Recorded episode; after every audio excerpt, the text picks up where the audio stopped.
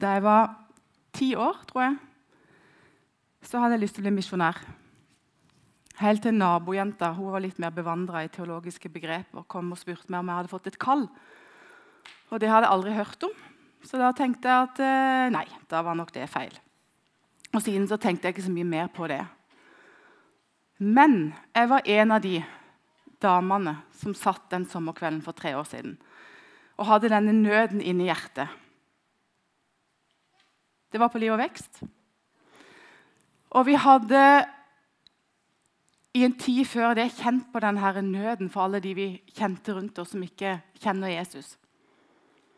Og Det er derfor jeg står her i dag. Og hvis jeg skal være helt ærlig, så sa jeg til Gud i går at eh, noen må jo egentlig si noe om dette, men hvorfor må det være meg? Jeg hadde, ikke, jeg hadde ikke lyst til å være den som skulle opp her og si det i dag. Men eh, kanskje fikk jeg et lite kall likevel, for her står jeg. Og skal snakke om noe som er utfordrende for meg sjøl. Jeg står ikke her som en ekspert, men jeg står her som én som har kjent på en nød. Men jeg kan ikke begynne der. Jeg må begynne med der alt begynner. Unnskyld, jeg må begynne med Jesus.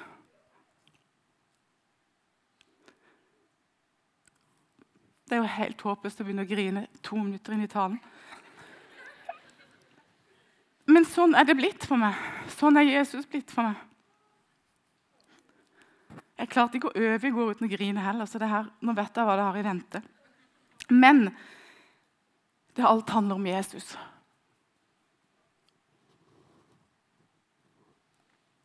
Jesus og hvem han er for meg.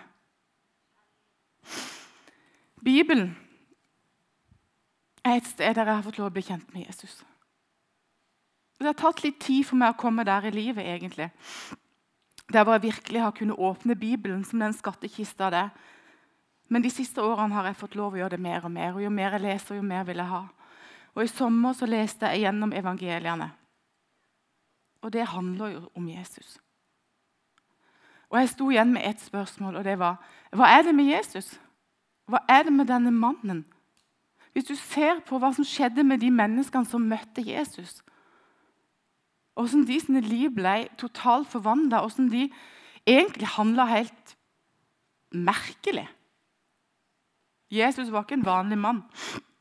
Jesus levde et vanvittig radikalt liv, og de som sa sitt ja til ham, de valgte å å leve et veldig radikalt liv og ta veldig radikale valg.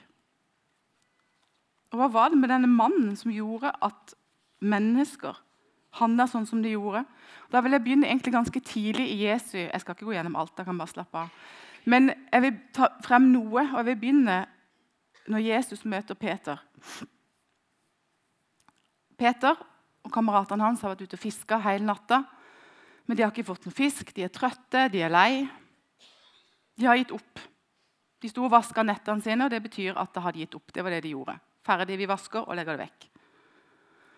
Dårlig dag på jobben, eller dårlig natt på jobben. Så kommer Jesus, og så ser han de midt i mengden. Og Før så bruker han Peters båt og sier til Peter legg båten litt ut fra land, så jeg kan bruke den til å tale i. Det er jo egentlig merkelig. Prøv, prøv, å sette dere inn i situasjonen. Veldig ofte så har vi lest dette så mange ganger at det er liksom ikke merkelig for oss, men det er litt sånn rart. Ja, ja, man gjør det. Og så Etterpå så sier Jesus noe til Peter. Han sier, 'Legg ut på dypet og kast noten til fangst'. er i Lukas 5, 4. Legg ut på dypet og kast noten til fangst. Det er ikke logisk å fiske på dagen. Det er ikke logisk å gjøre dette etter at man er kjempetrøtt og har rydda sammen alt sammen. Men Peter, eller Simon, sier vi har strevd hele natta og ingenting fått. Men på ditt ord vil jeg kaste ut noten. På ditt ord, på Jesu ord, gjør han det. Og hva skjer? Båten blir full av fisk. Det er en eller annen grunn så akkurat det grep meg så mye, for det sier så mye om hvordan Jesu ord påvirker mennesker. Dette var veldig tidlig i gjerninga hans. Og etterpå så ber Jesus dem om å legge ned alt og følge ham. Og så gjør de det. Hvem av dere hadde forlatt alt på jobb for å følge en mann som kom inn og, og spurte dere om det? Det kan være dere hadde hørt noe om han, kanskje dere hadde sett han gjøre noen ting. Det er temmelig radikalt å bare følge etter en mann. Men Jesus hadde noe i møtet mellom de menneskene som gjorde at de bare la ned alt.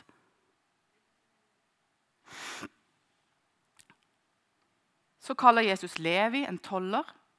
Skikkelig upopulær mann på den tida. I Lukas 5, 27. Jesus går forbi, og han sier, 'Følg meg.' Så står det. Da forlot han alt og fulgte han. Så enkelt, liksom.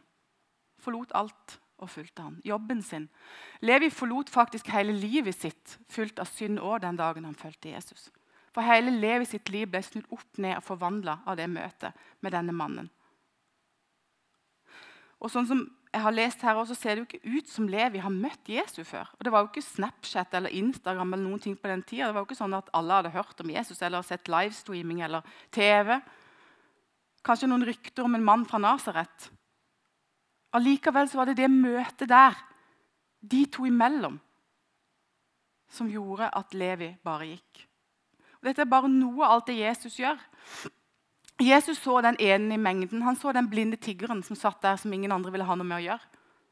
De andre hysja på han, må ikke forstyrre Jesus. Men Jesus sa 'ta han til meg', og så gjorde han han frisk. Kvinnen med brønnen som ingen ville være med. Utstøtt fordi hun hadde levd et forferdelig liv, fullt av gale ting.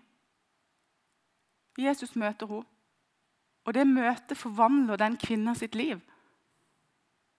Jesus helbreder. Altså, jeg bare sier, Gå hjem og les alt Jesus gjør, og bli kjent med Jesus. Se hvem han er.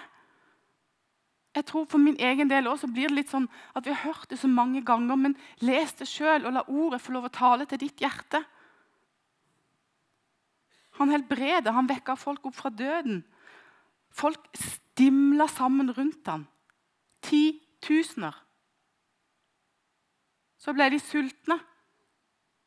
Så gir Jesus de mat ut av jeg alltid tenker, fem brød og to fisker, tror jeg det. Hvis ikke det er omvendt. Og barna De ville sende barna bort, og Jesus sa, 'Ikke gjør det, la barna komme til meg.' De tilhører meg. Men det er jo egentlig bare begynnelsen. For det Jesus gjør på slutten, hele grunnen til at han kom ned, det var jo det at han tok alt det jeg gjør galt, og kommer til å gjøre galt, opp på korset og døde for min skyld. Så når, når den dagen kommer at min tid her på jorda er ferdig, så kan jeg gå hjem til han. Derfor, for så høyt elska Gud verden at han sendte sin sønn til å dø for meg og for alle dere. Og vet du hva, Det er så stort at vi kan ikke fatte det. Og jeg tenker Når vi står og synger de sangene nå, og tilbyr denne Jesus Det er jo utrolig hvem det faktisk er vi tilber, og alt han har gjort for oss. Og at Jesus levde og var en historisk person, Unnskyld, det er det ikke tvil om. Det er jo historiske fakta som tilsier at Jesus han levde, han gikk her det strides om, er jo om han var Guds sønn eller ikke. C.S. Lewis, forfatteren, han har sagt at enten så var Jesus gal, eller så var han ond, eller så var han den han sa han var, Guds sønn. Tror dere at en ond mann hadde gjort det han gjorde? Eller tror dere en gal mann var i stand til å gjøre det han gjorde? Jeg tror ikke det. Og Da står vi igjen med at han var Guds sønn.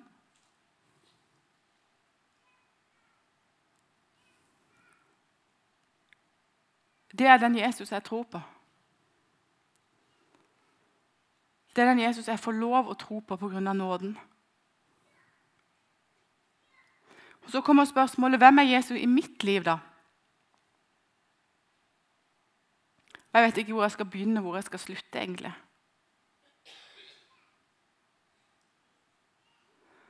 Jeg, alt, jeg fikk lov å vokse opp i et kristent hjem og fikk med meg en gave hjemmefra av foreldre som trodde tross alt. Tross all motgang så kunne mamma og pappa alltid vitne om at de folda hendene og, og ba. Og at det var det som bar de gjennom ting. Og Det fikk jeg lov å ta med meg inn og se at mamma og pappa de holdt seg til Jesus og holder seg til Jesus. Men så ble det jo, en vokser jo opp. ikke sant? Stiller spørsmål gjorde iallfall jeg, og ting ble vanskelig. og Kan jeg tro på denne Jesus? og Hvis han finnes, er han egentlig grei? og hvorfor, ja, Alle disse vanlige spørsmålene. Jeg syntes det var vanskelig. Veldig vanskelig. Helt opp i voksenliv var det egentlig ganske vanskelig å tro. Men eh, det er aldri vanskelig for Jesus å tro på meg. Så får jeg oppleve da, når jeg er 28 år Da bodde jeg alene i Stavanger. Eller ja, hadde ikke mann og barn. Syntes jo det var kjipt. Hadde jo tenkt at kanskje livet skulle blitt litt annerledes enn det da. Skjønte ikke at Gud hadde en plan helt da, som skulle komme. Var utålmodig, men hadde en jobb som betydde veldig mye for meg. Jeg jobba på sykehuset i Stavanger som sykepleier blant kreftpasienter og hadde liksom funnet mitt sted i livet. Så får en, en slitasje i kneet eh, litt tidlig og, må på en måte, og får beskjed om at jeg ikke kan jobbe som vanlig sykepleier mer, for kneet mitt tåler ikke å gå sånn. Og Det er, kan høres latterlig ut for dere, men for meg ble det en sånn der, eh, kjempekrise i livet mitt. For hvem var jeg nå? Og Det er en lang historie, jeg har ikke tid til å ta den, men eh, sånn, kort fortalt så var jeg kjempesur og kjempesint på Gud i ett år. Når jeg gikk i kirka, så kom jeg seint og gikk tidlig. Og Venninner har sagt til meg etterpå at de kunne ikke snakke med meg om Jesus. for Jeg var så sinna. Jeg hadde alltid noe kritikk jeg hadde alltid noe spørsmål. Hvorfor kunne ikke jeg være der? Jeg hadde funnet plassen i livet mitt, jeg hadde staka ut kursen av livet mitt. Jeg visste nøyaktig. Jeg skulle bli boende på Vestlandet. Jeg er veldig glad for at jeg ikke bor der. Kanskje stygt å si hvis det er noen vestlendinger her. ikke så glad i regn. Og Jeg skulle bli boende der, og jeg skulle ta videreutdanning, og jeg var nestemann på lista. og i det hele tatt. Men i det mørket som det ble, så møtte Gud meg. Etter ett år, et nøyaktig fra påske til påske, der jeg bare var sint, så fikk jeg høre Jesus sin stemme. Og den traff meg akkurat der jeg trengte det mest. For det som han sa til meg, som jeg hørte, eller sånn klar tanke inni hodet Det er jo ikke sånn at det runga i rommet. Men når noen ba for meg, så fikk jeg en sånn helt klar tanke inni hodet. Jeg, jeg, visste at den var fra Gud. Jeg bare visste det. Jeg hadde aldri opplevd det før. At du er verd å elske akkurat sånn som du er. Og vet du hva? Det snudde opp ned på mitt liv. Det er den Jesus jeg har. Han vet akkurat hva jeg trenger, og når jeg trenger det. Jeg tror faktisk Han visste at jeg trengte å få røska litt identiteten min òg, for jeg var jo bare alt jeg gjorde. Jeg hadde ikke identiteten min i han i det hele tatt. Fra den dagen så sa jeg ok, hvis du er så glad i meg, så får du ta resten av livet mitt og gjøre hva du vil med det. Og jeg grein og jeg grein. Jeg husker jeg kjørte i den røde Toyotaen min hjem fra Stavanger til utenfor Kristiansand, der jeg kommer fra. Og Det var ikke sånn at da ble livet liksom picture perfect. Ikke i det hele tatt. Men jeg fikk i enda større grad oppleve å gå sammen med Jesus. Og se at det funker. Og det er vel det som gjør også at det er, altså, Bibelen og den Jesus som det står om der, han lever i dag. Og det har jeg fått lov å kjenne i mitt liv. Gjennom alt. Det er ikke sånn at han tar oss utenom alt, men han tar oss gjennom alt, og han er med gjennom alt. Og Det har vært mange opp- og nedturer siden det. Men når jeg forberedte den talen, så kunne jeg se etter alle de avtrykkene som jeg har i Jesus i mitt liv, åssen han er der hver dag. Jeg er gift og har tre barn. Jeg hadde fått beskjed om at jeg sannsynligvis ikke kunne få barn. Og I tillegg så måtte jeg vente så lenge. Det er så lett å ta det som en selvfølge. Og så er det ikke alt jeg har fått bønnesvar på. Det er ikke alt som har gått sånn som jeg hadde ønska. Når Maria, som nå er syv år, var baby, så fikk jeg leddgikt. Jeg hadde gleda meg til å ut og jobbe igjen, men det var ikke sjans. Men jeg fikk oppleve at Gud, Jesus, var med gjennom det. Og så plutselig så åpna det seg noen rare dører. Jeg er ikke god i norsk. Så plutselig fikk jeg skrive bøker. Og det kan iallfall bare være Gud. det kan jeg love deg. For jeg er et realfagsmenneske. Jeg har ingenting Eller jeg, ja, jeg skjønner det ennå ikke. Å bli redaktør for et magasin som jeg egentlig hadde drømt om i mange år, men ikke turte å si. Det kom liksom bare dumpende ned i fanget mitt. Så måtte jeg forholde meg til at jeg hadde fått leddgikt. Og Per nå er jeg ikke helbreda, men jeg har ikke gitt opp det. Men jeg vet at Gud har gått med meg, og jeg har fått lov å få medisiner som gjør at jeg nå er mye mer jobb enn jeg noen gang har vært. Og det òg. Plutselig så slår det meg ja, men det er jo Gud, det òg. Det er jo klart Når jeg fikk leddgikt og ikke kunne jobbe, så økonomien fikk seg en smell. Det er kjipt, og det snakker en jo aldri om heller. Men der fikk jeg lov å oppleve en Gud som forsørger. Så gjennom alle tingene så har jeg fått se en Jesus som går med gjennom alt, og en Jesus som kjemper kampene mine. Altså, han, Jesus, han fins. Og jeg ville ikke levd én dag uten han. Ikke én dag. Jeg går på trynet så det suser flere ganger i uka. Det er så mye jeg ikke får til, og det er så mye jeg gjør feil. Og det å kunne komme til han, sånn som vi sang nå, uten skam Unnskyld. At det er liksom den Jesus jeg har. At uansett så kan jeg komme til han uten skam, for han har tatt den med seg på korset. I sommer fikk vi oppleve at vår mellomste sønn Daniel ble helbreda for laktoseintoleranse. Han kom og sa det. 'Mamma, nå er jeg blitt frisk.' Og sånn, Han kunne ikke bli frisk, det hadde legen sagt. Han skulle bare bli verre. Og Jeg hadde bedt for ham hver kveld, men jeg hadde kanskje ikke så mye tro. Og Så sier Daniel 'nå er jeg blitt frisk'. Så var min reaksjon 'ja vel'. Hvordan da, liksom? Jeg trodde ikke på det. Men det har ikke noe å si, for han var frisk. Halvt, ja, det er over et halvt år siden. Han drikker, han drikker mye melk for å si det sånn. Det er den Jesus jeg har, og det er den Jesus jeg tror på. Og da kommer det spørsmålet Hvis jeg tror på dette, og hvis Jesus er alt det jeg har sagt nå i mitt liv, hvordan kan jeg da la være å fortelle om han til andre? Hvordan kan jeg eie en sånn skatt og ikke dele den? Og det har blitt så alvorlig for meg de siste årene. Hvis jeg tror at det handler om liv og død, hvis jeg tror at Jesus døde for meg så jeg skulle få evig liv og ikke gå fortapt Hvorfor snakker jeg ikke mer om det, da?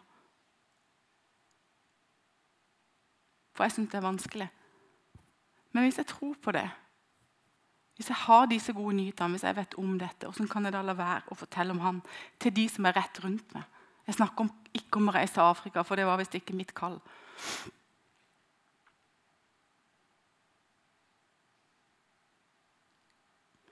Og Den nøden var jo den som begynte å vokse fram i meg og noen andre for tre år siden. Og Egentlig så har jeg vært litt sånn irritert på Gud òg, for det var ikke noe sånn Det var liksom så, nesten litt sånn vondt å innse at det er så alvorlig. Og Det var litt derfor jeg ikke hadde lyst til å prate om det heller i dag her. Egentlig vært bedre om noen andre gjorde det. Fordi at For meg så ble det så enormt alvorlig. Og Bare det å vite at jeg, kjenner en Jesus som kan hjelpe gjennom alt, det er tøft å leve. Jeg synes hvert fall det i perioder. Det er tøft for alle å leve. Og så sitter jeg på noe som kan hjelpe her, og ikke minst evigheten. Og det er så mange som har hørt om Jesus. Alle i Norge har vel egentlig hørt om Jesus. Men kjenner de han? Kjenner de Jesus? Kjenner de han Jesus som, som, det står om her, og som jeg har fått lov å oppleve? Jeg tror veldig få gjør det. Takk, det var veldig snilt. Jeg beklager. Jeg er egentlig veldig lettrørt. Det blitt verre Ja, uff. Det er ikke så farlig. Eh, og så Liv og vekst for tre år siden så husker jeg at jeg gikk til forbønn for dette. fordi det gnagde så på hjertet. Vi hadde lister med navn over mennesker i nærmiljøet. Det var mammaer til barnas venner. Mennesker som tilsynelatende kan se ut til alt på stell, men jeg visste at de hadde ikke Jesus. Jeg husker jeg tenkte at eh, hva er, liksom, hva er det egentlig de trenger? De trenger jo Jesus. Og Så gikk jeg fram til forbønn, og det skjedde liksom ikke noe. Jeg gikk tilbake og satte meg i benkeradene, og der satt Marit, som var oppe i stad. Jeg tror, jeg hadde, visste jo hvem Marit var, men jeg kjente henne ikke så godt da. Men jeg husker jeg spurte om hun kunne be for meg. Og så ber hun. Jeg sa ingenting om hva det gjaldt. Og så hører jeg igjen det her inni tankene mine at det er livsviktig. Og det er nå. Og det ordet har forfulgt meg siden, at det er livsviktig. Det er livsviktig å dele det vi har. Og det er nå vi må gjøre det. Og den sommeren så samla som Marit snakka om, så samles vi flere og flere. Og ut av det så kom arbeidet Kafé Foyer og seinere Kaffebaren. Og så kommer han tilbake til det Jesus når han sto på stranda der og kalte disiplene, og de forlot alt. Og Da går jeg tilbake til Matteus 4, 19. Og Jesus han sier 'følg meg'. Men det stopper ikke der. Jesus sier ikke 'følg meg', så skal jeg passe på det resten. Eller han sier det, da, men det følges av noe mer. Det er ikke sånn at jeg bare skal få lov å nyte godt av dette og ha det så fint som jeg faktisk kan få ha det med Jesus, selv om livet alltid, ikke, ikke alltid er bra. Men det etterfølges av noe. Følg meg, så vil jeg gjøre dere til menneskefiskere. Følg meg, så vil jeg gjøre dere til menneskefiskere. Jeg skal ikke gjøre meg sjøl til det. Jeg har ikke sjans. Men Jesus kan gjøre meg til det. Hvis jeg følger ham, så ligger det et kall der videre. Et kall som er gitt oss alle til å gå ut og fiske mennesker der hvor vi er. Men det er Jesus som skal gjøre det.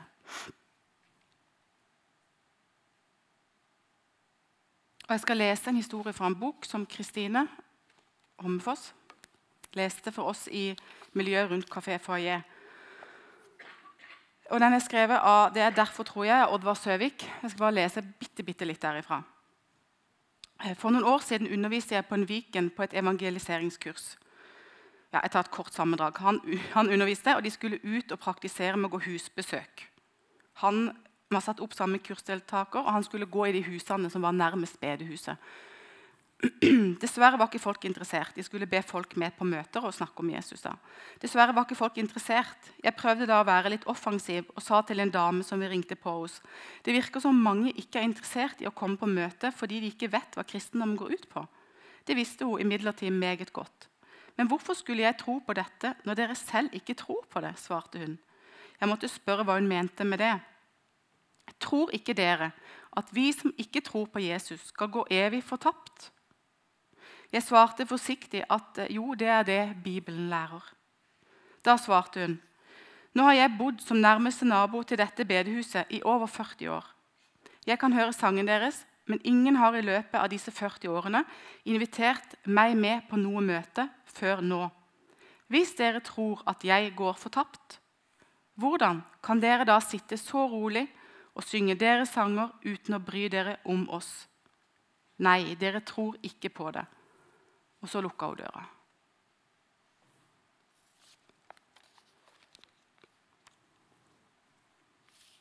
Tror vi på det? Tror jeg på det? Og hva gjør jeg med det? Hvis jeg tror på det som står i Bibelen, og hvis jeg har fått lov å oppleve Jesus sånn som jeg har gjort, hvordan kan jeg egentlig da la være å dele det?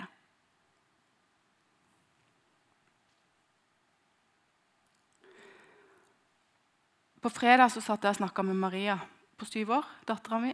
Og så sier hun jeg tror vi snakka om talen og et eller annet. jeg husker ikke, Så sa hun det fineste som står i Bibelen, mamma, det er at Jesus døde for oss, så vi kunne få frihet.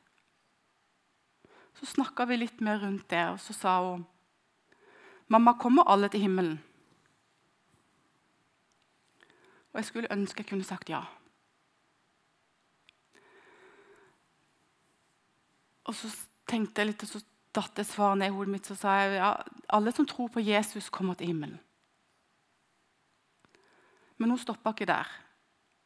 Hun nevnte noen navn på venner som hun vet ikke tror fordi at de tilhører andre religioner. Og Så sier hun men mamma, da kommer ikke de til himmelen. Hva svarer hun da? Sin syv år gamle datter. Og Det som slo meg da, det var at jenta mi har fatta alvoret. For hun hadde nød i stemmen når hun sa det. Så jeg sa ja, men vi, jo, vi må jo være noen av de som kanskje forteller om det. da.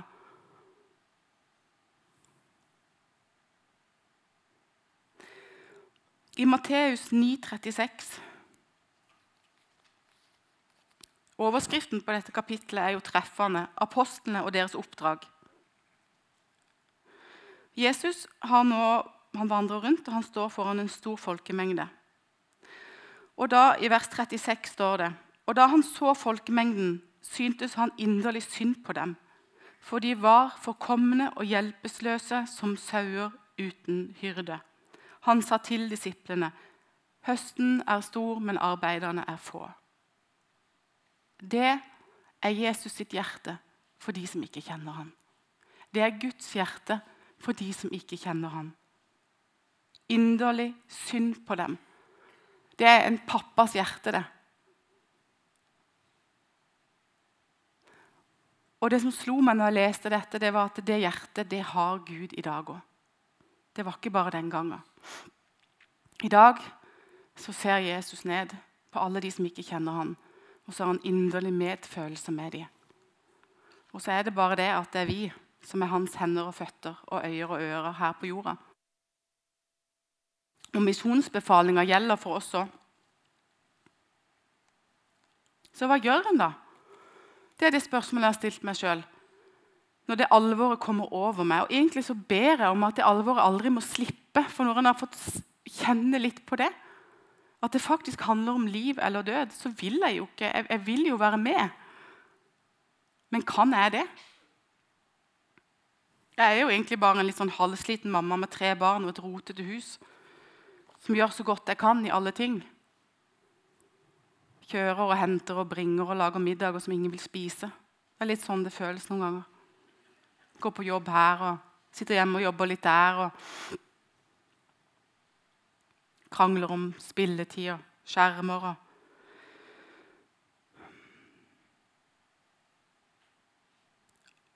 Og da håper jeg at dere som ikke hørte talen her forrige søndag, går hjem og hører den. For den gir egentlig svar på det. For det handler egentlig ikke om oss. Moses ble kalt til et stort oppdrag, og han hadde masse unnskyldninger. Akkurat som jeg hadde en unnskyldning i går da jeg sa det at jeg syns noen skal snakke om dette, men hvorfor må det være med? Gud sender oss, og han gir oss det vi skal ha. Gud sa til Moses at han måtte ta det han hadde i hånda si. Og det sier han til oss i dag. Vi er alle gitt noe som gjør at vi kan være vitner akkurat der vi er. Og jeg, tenker, jeg har lyst til å si Ikke stress, for det er Jesus som skal gjøre det. Men ikke sett dere tilbake i godstolen og bare nyt heller, hvis det er lov å si. For det at høsten er stor, og arbeiderne er få. Vi må være disponible. Vi må si 'Ja, Jesus, jeg vil'. Takk, Jesus, for alt jeg har fått. Jeg tror kanskje Vi må på en måte også søke inn mot Jesus og hans hjerte for å finne den nøden. For den nøden er Jesus sitt hjerte. Og så må vi gi det vi har. Åssen gjør vi det, da? Og jeg tenker, Egentlig kan vi bare begynne med oss sjøl. Hver eneste her inne er skapt med en hensikt, akkurat sånn som de er. Personlighetsmessig, egenskaper, alt. Det er ingenting som er tilfeldig. Og vi er skapt sånn fordi det er sånn han vil ha oss. Og det er en del av den pakka han kan bruke til å nå andre. Der vi er, er ikke tilfeldig. Jeg tror ikke det er tilfeldig der vi jobber, det vi holder på med på fritida kanskje, de vi bor ved siden av. Det er så mange ting som vi ikke skjønner. Skolen vi går på, vennene vi har. Du har noe som andre trenger. og Du har Jesus, og så er du skapt sånn som Jesus ville at du skulle være. Bruk dine evner, bruk det du har. Og noe du har, det at jeg, tenker noe med det som For min del og det der med fritidsaktiviteter, bare når jeg følger ungene på det Hvor mange samtaler har ikke jeg hatt på sidelinjer på jervkamper? Men veldig ofte som jeg kanskje tør å legge ut Eller En gang så ble jeg spurt om disse bøkene jeg skrev. Og det var liksom en sånn, Da hadde jeg på en måte muligheten til å begynne, men jeg måtte jo velge det sjøl. For jeg kunne jo bare føysa det vekk. liksom.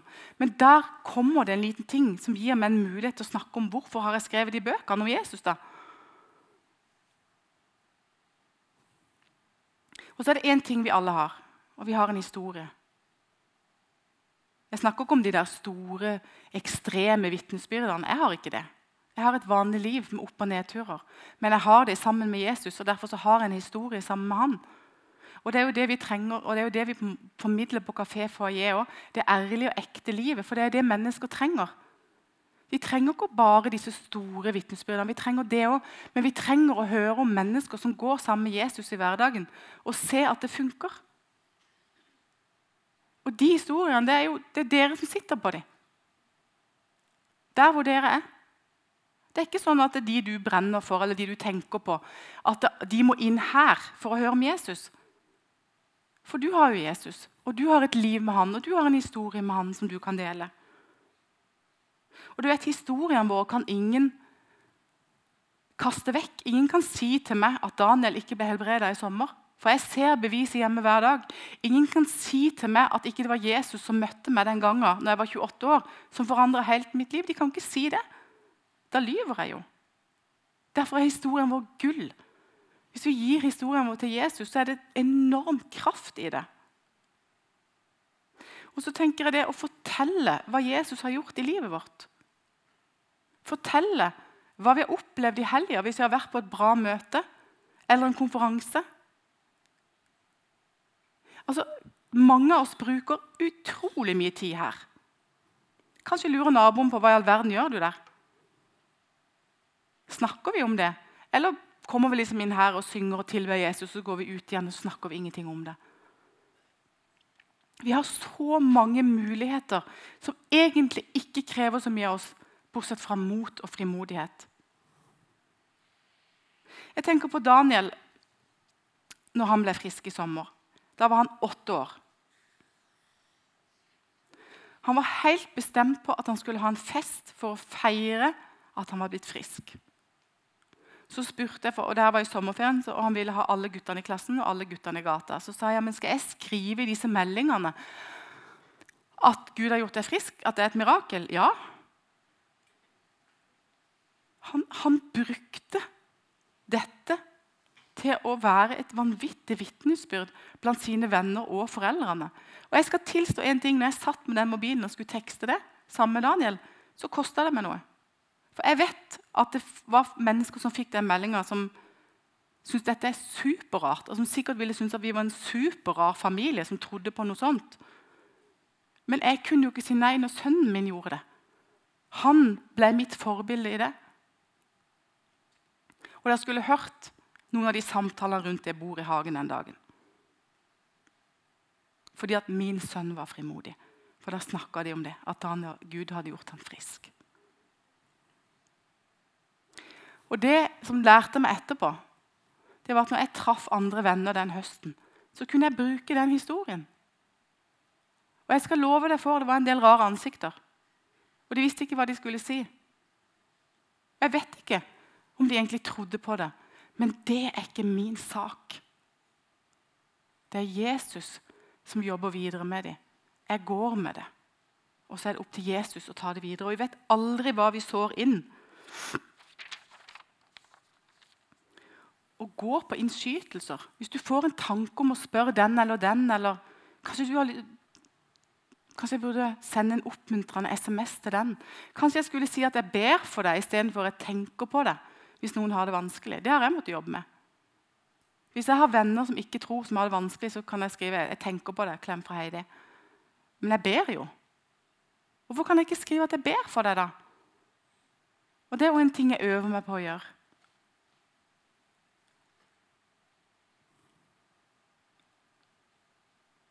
Og så kan vi be. Vi kan lage disse listene med disse navnene, og så kan vi be for disse som vi tenker på. Vi kan spørre Gud hvem er det du kaller i mitt nærmiljø. Hvem er det du kaller nå? Og så tenker jeg for min egen del også, prøver jeg det, ikke alltid jeg husker det, å be hver morgen. Bruk meg i dag, Gud. Bruk meg i dag.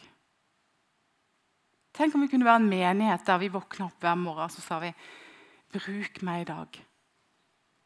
Så ditt navn kan bli kjent. Sånn at flere kan få komme til himmelen. For vet du hva, det er jo det det handler om. For en dag så er livet slutt for oss alle. Det er jeg redd for døden, jeg. Men, men, jeg vet det jo. Jeg har jobba med kreftpasienter, jeg har sett det. En dag skal vi dø. Og hvis jeg tror på Bibelen, så er det sånn at enten går vi hjem til Gud, eller så går vi fortapt.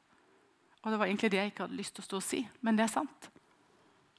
Og det er da det alvoret kommer inn i hjertet mitt, og jeg tenker da må jeg kanskje svelge stoltheten min litt. da. For jeg vet at noen kan tenke at jeg er rar, men det er kanskje bare de må det, da. Og Det er et sitat som har fulgt meg de siste årene. Jeg intervjua ei som heter Elisabeth Muren. Og Hun sa det. Det er bedre å drite seg ut enn å frarøve noen et møte med Jesus. Det er det. Kan ikke jeg tåle å tape litt ansikt, da? Kanskje trår jeg feil en gang. Men tenk hvis den innskytelsen eller det jeg har, egentlig er noe som gir andre et glimt av Jesus. Kan, kan jeg la være da?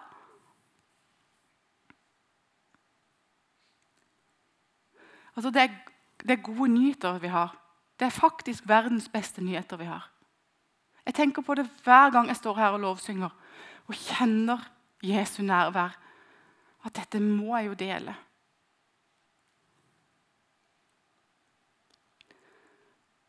Og så helt til slutt så vil jeg avslutte med det at det, vi kan bare senke skuldrene. For det er Jesus som skal frelse deg, ikke meg.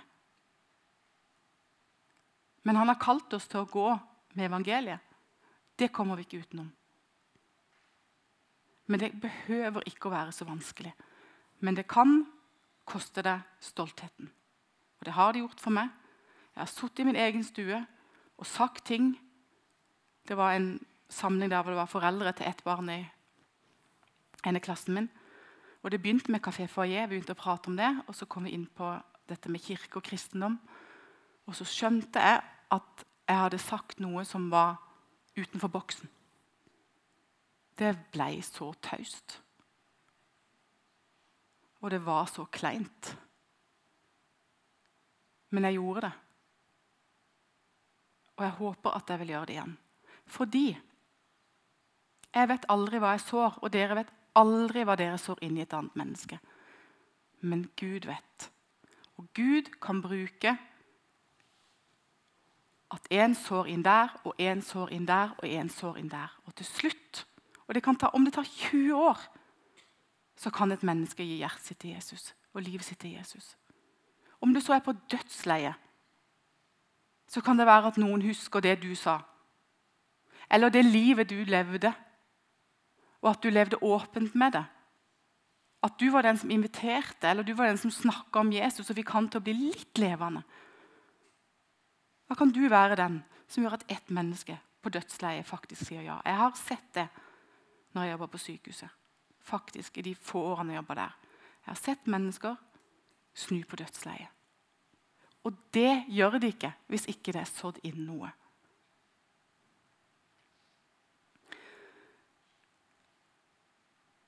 Nå skal det spilles en sang her. Um, og det er 'Nobody But Jesus' av Casting Crowns. Jeg vil bare si det refrenget før den sangen spilles. For det de synger der, det er I am just a nobody trying to tell everybody all about someone who saved my soul. Og da er en tilbake til begynnelsen. Hvorfor skal vi fortelle om Jesus? For han har faktisk redda livet vårt.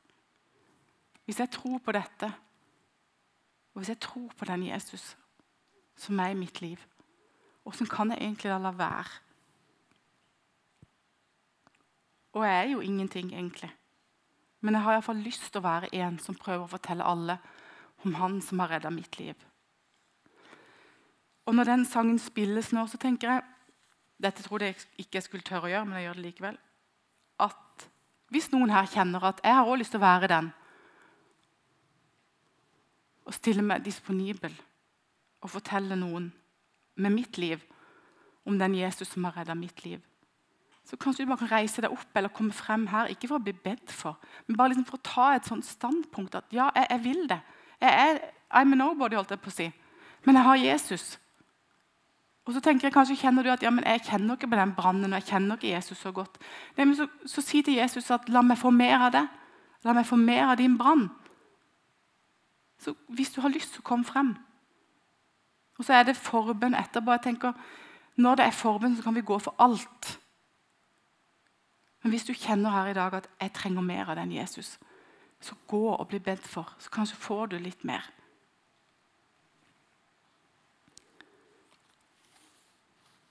Da kan jeg sette på den sangen, og så sier jeg takk for meg.